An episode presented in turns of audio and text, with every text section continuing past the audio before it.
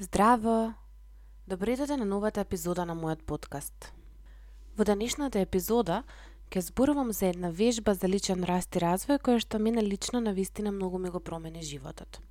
Секако дека постојат и други фактори кои што влијае на таа промена, меѓутоа ова е една од вежбите која што на вистина е прекрасна и мене лично ми донесе најголем мотив за да преземам одредени акции, Па така, согласно а, предходните епизоди, зошто не преземаме акција и така натаму, јас а, ова е вежбата која што ми сакала да ја споделам со сите. Сакам да предупредам и да замолам а, личности кои што се соочуваат со панични напади, кои што се во некоја депресивна состојба, имаат анксиозност пренагласена и така натаму, да не ја прават оваа вежба, особено не доколку се сами, затоа што би можело да биде вознемирувачка како оваа, така и секоја друга. Значи, уште еднаш ке повторам дека сите препораки, идеи, инспирации и така натаму не се замена за стручен совет, не се замена за психотерапија, психолошко советување, ниту пак коучинг. И сето ова што го правите го преземате на ваш ризик, така што доколку било што ви предизвикува вознемиреност или нелагодност, ве молам немојте да го да го правите. Е сега, а, исто така би, би сакала да кажам дека самата оваа вежба знае да предизвика страф и налагодност и затоа и така некако ставам предупредување на почетокот. А подоцна на крајот можеби ќе споделаме некои слични алтернативи кои што се доста побезбедни. Меѓутоа ова го нагласувам за да не дојде до некоја забуна или доколку нешто се случи, ве молам, имајте предвид дека доколку се соочувате да со било каков психолошки проблем, мора да се обратите кај стручно лице. А, ова е вежба од една книга која што е напишана од гешталт психотерапевт Дженет Рейнвотер. И книгата е uh, You're in Charge, A Guide to Becoming Your Own Therapist. Мислам дека е преведена бидете свој психотерапевт или бидете сам свој психотерапевт, не сум сигурна. И е напишана во 1979 година. И мислам дека кога вака ја споделувам годината, јасно е дека не станува збор за модерна книга за себе помош, туку нешто кое што е старо и навистина особено за, за мене, а верувам дека и за многу од моите колеги, вреди премногу. Ако треба да препорачам некоја книга за себе спознавање, за личен раст и развој, за некои вежби кои што може да се прават на страна, дефинитивно ова е книгата која што ја препорачувам. Може би не е единствената, меѓутоа е првата која што би ми паднала на ум. А, зошто е тоа така? Затоа што ова е книга со вежби, каде што тој што ја има книгата во раце треба да ги прави вежбите, а не само да впива безброј информација од некој друг и да чита кој што мисли, кој што кажал и така натаму, туку буквално како работна тетрадка, како работни задачи, нема многу текст, нема некој предпоставки, туку е место каде што мора да ги се прават вежбите. Мислам, џабе ќе ја земе некој да ја чита ако не ги направи вежбите. Никаков бенефит нема да добие. И ова е, ова е буквално, јас не би рекла ни дека е книга, ова е така некако како баш за личен раст и развој, каде што ам, каде што може да си имате со свое темпо во било кое време да сте расположени од текот на денот и така натаму, место каде што може да работите на себе самите. Е сега оваа вежба која што јас во ја спомнуваме последната во книгата и а, затоа некако и предупредив, сепак има зошто е последна вежба секако доколку претходно не сте наработеле на себе, доколку ова е ваш почеток и така натаму, може би ќе ве вознемири или нема да успее оваа вежба, што не мора да значи. Но ова е некоја вежба која што јас лично ја правам секоја година по еднаш или два пати. Најчесто тоа го правам за време на новогодишните празници за мојот роден што е точно на средина на календарската година. А се користам со оваа вежба кога правам годишен план или анализа или пак роденденски план и исто така анализа до каде сум, што сум и што сакам да постигнам. Прво ја правам оваа вежба, потоа продолжувам да запишувам и да зацртувам цели. И сега секако дека постојат многу одстапки од планот и целите кои што ги правам согласно тоа, меѓутоа суштината секогаш е иста, без разлика дали ќе се смени а, смени начинот на кој што ќе се остваруваат целите или малку ќе се изместа, сепак суштината е таа. Е сега, може би ќе бидам досадна и пак ќе напоменам дека оваа книга е нешто што ми било предмет на факултет, односно ми била литература на еден од предметите на факултет и ми, ми остави најголем впечаток од целото студирање затоа што беше единствен предмет каде што имав допир со себе и можев да на дело видам како изгледа личниот раст и развој низ вежби препораки. Ова е единствено нешто на факултетот за психологија што се учи вакво, инаку сето друго на што се работи се учи на психотерапија, затоа јас викам личност која што завршила само психологија, реално далеко од тоа дека може да работи со психотерапија или пак нешто многу покомплексно.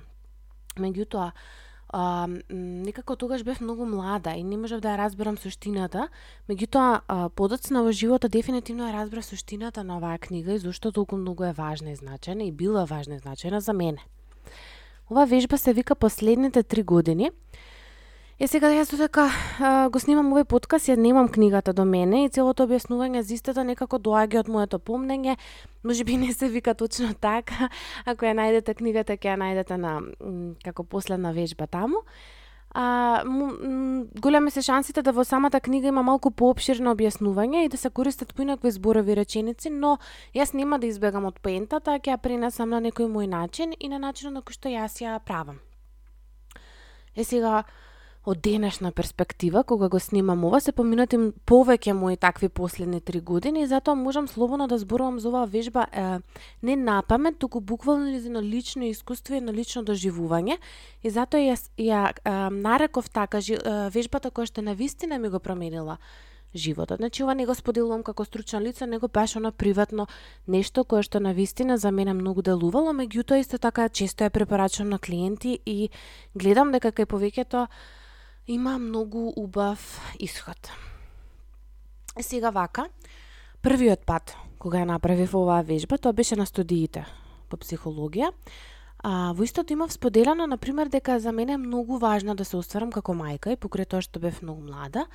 И кога не вистина станав мајка, искусив колку е важен личниот раст и развој кај родителите и колку мачинството носи трансформација на личноста. И сега повеќе не сум важна само јас, сега имам уште некој кој што ми е многу важен и кој што зависи од мене додека да порасне. И сватев дека а, станав пример и модел на однесување кое е многу важно. И се соочив со најголемата одговорност во животот, да се биде мајка, да се биде родител. И сега ова го споделувам затоа што јас кога ја направив оваа вежба прв пат, изумив дека јас сум ја правела. И всушност нема воопшто свесност дека оваа вежба а, многу нешто и поттикнала и променила во мене, па кога се омажев, се селев од една во друга куќа и така натаму, го најдов дневникот каде што јас сум ја пишувала баш оваа вежба. И кога го прочитав, кога прочитав што сум напишала, се запрепастив колку тие нешта се всушност се оствариле. Нормално во една поинаква форма, не на истиот начин на кој што се напишани, но свесно или несвесно оваа вежба ми помогнала да се детерминирам и да остварам некои важни нешта за мене.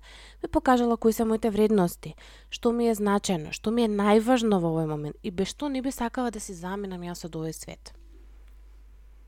Секако дека животот не се менува со една вежба, но патот од 1000 милји започнува со еден чекор и претходно јас имам споделено за свесноста колку е важна, прифаќањето и така натаму, но да се освестат некои работи како и да се одржи таа свесност знае да биде на вистина тешко. И свесна сум колку а, колку нешто имаме на ум и колку лесно знаеме да се преплавиме и да заборавиме на некои многу важни нешта за нас. Токму затоа јас ја споделувам оваа вежба за да споделаме на одлична алатка која што може да биде во функција на освестување и себе спознавање, која може да помогне да, да открие што е оно што за нас е многу важно во овој момент. Вакви тип на вежби се одлични затоа што не водат низ свесности и ни помагаат да сватиме што е добро, што сакаме, што може еве да речеме да се подобри или пак да се прифати такво какво што е. Лесно можеме да се фокусираме на нештата кои ни се зна, големи значени во животот, наместо на оние кои што не ги сакаме кај себе и пошироко. И сега да се вратам на вежбата, доколку имате можност, топло препорака да ги направите сите вежби од оваа книга, и некако ова да ја оставите за крај или можеби некаде на средината, меѓутоа Голем дел од тие кои што ме слушате и читате, верувам дека сте на веќе на едно патување за личен раст и развој, се надавам дека дел од тој процес веќе сте го поминали, и дека ова нема да е нешто скрос ново за вас, туку на вистина се интересирате и длабоко знаете до каде сте. Зимете си пенкало, или било каква боичка или с хартија и отворете го или пак може тоа да е вашиот дневник како пишувате. И сега за да ја правите вежбата, потребно е да бидете присутни. Присутни во тука и сега, па така што предлагам целиот овој процес да го да го да прочитате, слушнете, бидејќи исто тоа ќе се наоѓа и на мојот блог, тогаш кога ќе имате време, кога ќе бидете подготвени за тоа. Идеално е да бидете сами, да бидете смирени, да не се брзате, да си дадете, она, би рекла, може би не еден час, но да си оделите еден час за оваа вежба со се процесот на пишување, бидувањето присутен, смирувањето и така натаму. Што значи исклучете тука, ако не сте подготвени, а ако сте подготвени, одлично, тогаш може да продолжам со објаснување на вежбата. Значи, некаде после десетата минута веќе почнува вежбата. Идеално е да бидете седнати во некоја пријатна позиција и на телото да му е удобно. Полека дишате длабоко. Значи вдишете. Издиши. Доколку е попријатно, запалете си свеќа, покрите се со некој меко кебенце, направете си топол или ладен пијалог. Многу е важно да сте присутни и опуштени кога ја правите оваа вешба, како не би напишале нешто кое што не доаѓа од душата, туку од анксиозноста и стравот, кој сите си го носиме помалку или повеќе. И сега заборавате на пенкалото, на листот, на дневникот и така натаму, тие се тука присутни за подоцна, откако ќе се заврши вежбата да ги запишете како не би, не би ги заборавиле. може да се навалите, да си легнете, да седите, само бидете внимателни да не заспиете. И полека затворете ги очите замислете дека сте отишле на лекар и лекарот ви кажува дека вас ви преостануваат уште само 3 години живот. Во тој период од 3 години вие ќе имате потполно а, ќе бидете потполно здрави и ќе имате многу енергија едноставно за точно три години животот ќе заврши. И сега наместо да се лутите, да се бунтувате на оваа информација која што ја слушате, пробајте да се опуштите, свесни дека сепак е ова фантазија, меѓутоа пробајте и навистина да, да влезете во оваа фантазија дека остануваат три години. Супер. Уште цели три години. И сега проверете како ќе ги поминате тие три години. Каде ќе живеам? Со кого сакам да живеам? Што ќе работам? Дали сакам да работам? Со кого сакам да работам? Дали сакам да учам нешто ново? Дали сакам да ги прекинам сите едукации? Со кого сакам да се дружам? Кои проекти сакам да ги завршам во тој период?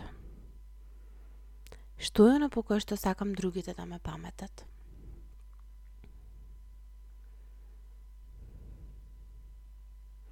Ова се само дел од прашањата кои може да си ги поставите. И сега предлагам да си дадете доволно време и да ги замислите наредните 36 месеци еден по друг како реално да ги живеете. И ова може да потрае подолго од еден час. Јас нема да бидам со вас а, во текот на оваа вежба, меѓутоа чисто запишете си ги некаде овие прашања или предлагам да го отворите блогот а, таму, таму ги има и полесно може би ќе ви биде да ни ги слушате, туку само да ги прочитате и да некако се водите по некаков редослед. Поставете си колку прашања сакате, но идеално е секој месец, месец за месец да си го замислувате како ќе се одвива, што ќе се одвива, каде ќе одите, што ќе работите и така натаму. И сега ве молам, доколку премногу е вознемири вежбата, имате потешкотија да одделите фантазија од вистина, и не, не можете некако после завршување на вежбата да си ставите крај дека нели тоа не е реално, не е вистина дека ви остануваат уште три години а, живот а, ве молам немојте да ја правите. Верувам дека ќе успеете да ја направите онака како што е замислено но доколку предизвикува анксиозност, паника и така натаму, едноставно оваа вежба не е за вас тука и сега и оставате за некогаш подоцна. А, откако фантазирањето значи, ќе заврши со крајот на тие три години, напишете го на кое што го сакате и, на пример, да научите нешто, да смените работа, да се омажите, да се разведете, да се смирите со некого, не знам, да искажете љубов некому, благодарност и така натаму да патувате. Секој од нас има различни нешта кои што ги сака или пак кои што го мачат. И споредете го вашиот живот тука и сега со оно кое што го видовте во фантазијата од вежбата, што е слично, а што е па премногу различно. Постои ли нешто кое што може да се имплементира уште веднаш? И што беше најважно за вас? Како може да почнете да стварувате дел од овие цели? Заборавете на тоа дека имате само 3 години. Таа мисла целосно оддалечете. Поентата е само некако да да, да најголемите е, желби се доживеат во тие три години. И помнате ги само оние работи кои што беа важни, оно кои што беше важно во самата вежба, тоа се целите кои што сакате да ги исполните, тоа се вашите вредности, вашите желби и потреби и нештото кои што ви носат радост и убавина во животот. Во книгата каде што ја има оваа вежба, Дженет објаснува како оваа вежба не е донала свесност дека сака да напише книга дека е редно време веќе да ја напише книгата и всушност тоа е оваа книга која што ја споделувам. И, например, доколку не било оваа вежба, веројатно немало воопшто нито да си ја оствари таа цел. Значи, оваа вежба не ја потикнала дека е редно време да почне да ја пишува книгата и да го сподели своето знаење со светот. И секој пат јас кога ја правам оваа вежба, мене ме носи различна свесност. Например, некогаш ме носи свесност колку малку време поминувам со некој што ги сакам, а колку сум се фокусирала да обкружила со токсични личности за мене во тој момент. Првиот пат ми донесе свесност колку сакам да сум мајка, да имам деца, да имам семејство, односно ми донесе таа вредност колку семејството за мене е многу важно понатаму ме освести дека е крајно време да почнам да работам самостојно, дека едноставно не ја живеам работата од моите соништа и така натаму. И се надам дека споделувањето на оваа вежба за личен раст и развој ќе ви помогне и вам да го живеете вашиот живот од соништата, да го живеете животот кој што го заслужувате. Личниот раст и развој се долго патување, тоа е еден процес кој што нема баш она а, а, почеток и крај си бара акција, си бара многу свесност, си бара многу вежбање и оно што е важно е да уживате на самото патување без разлика на целта.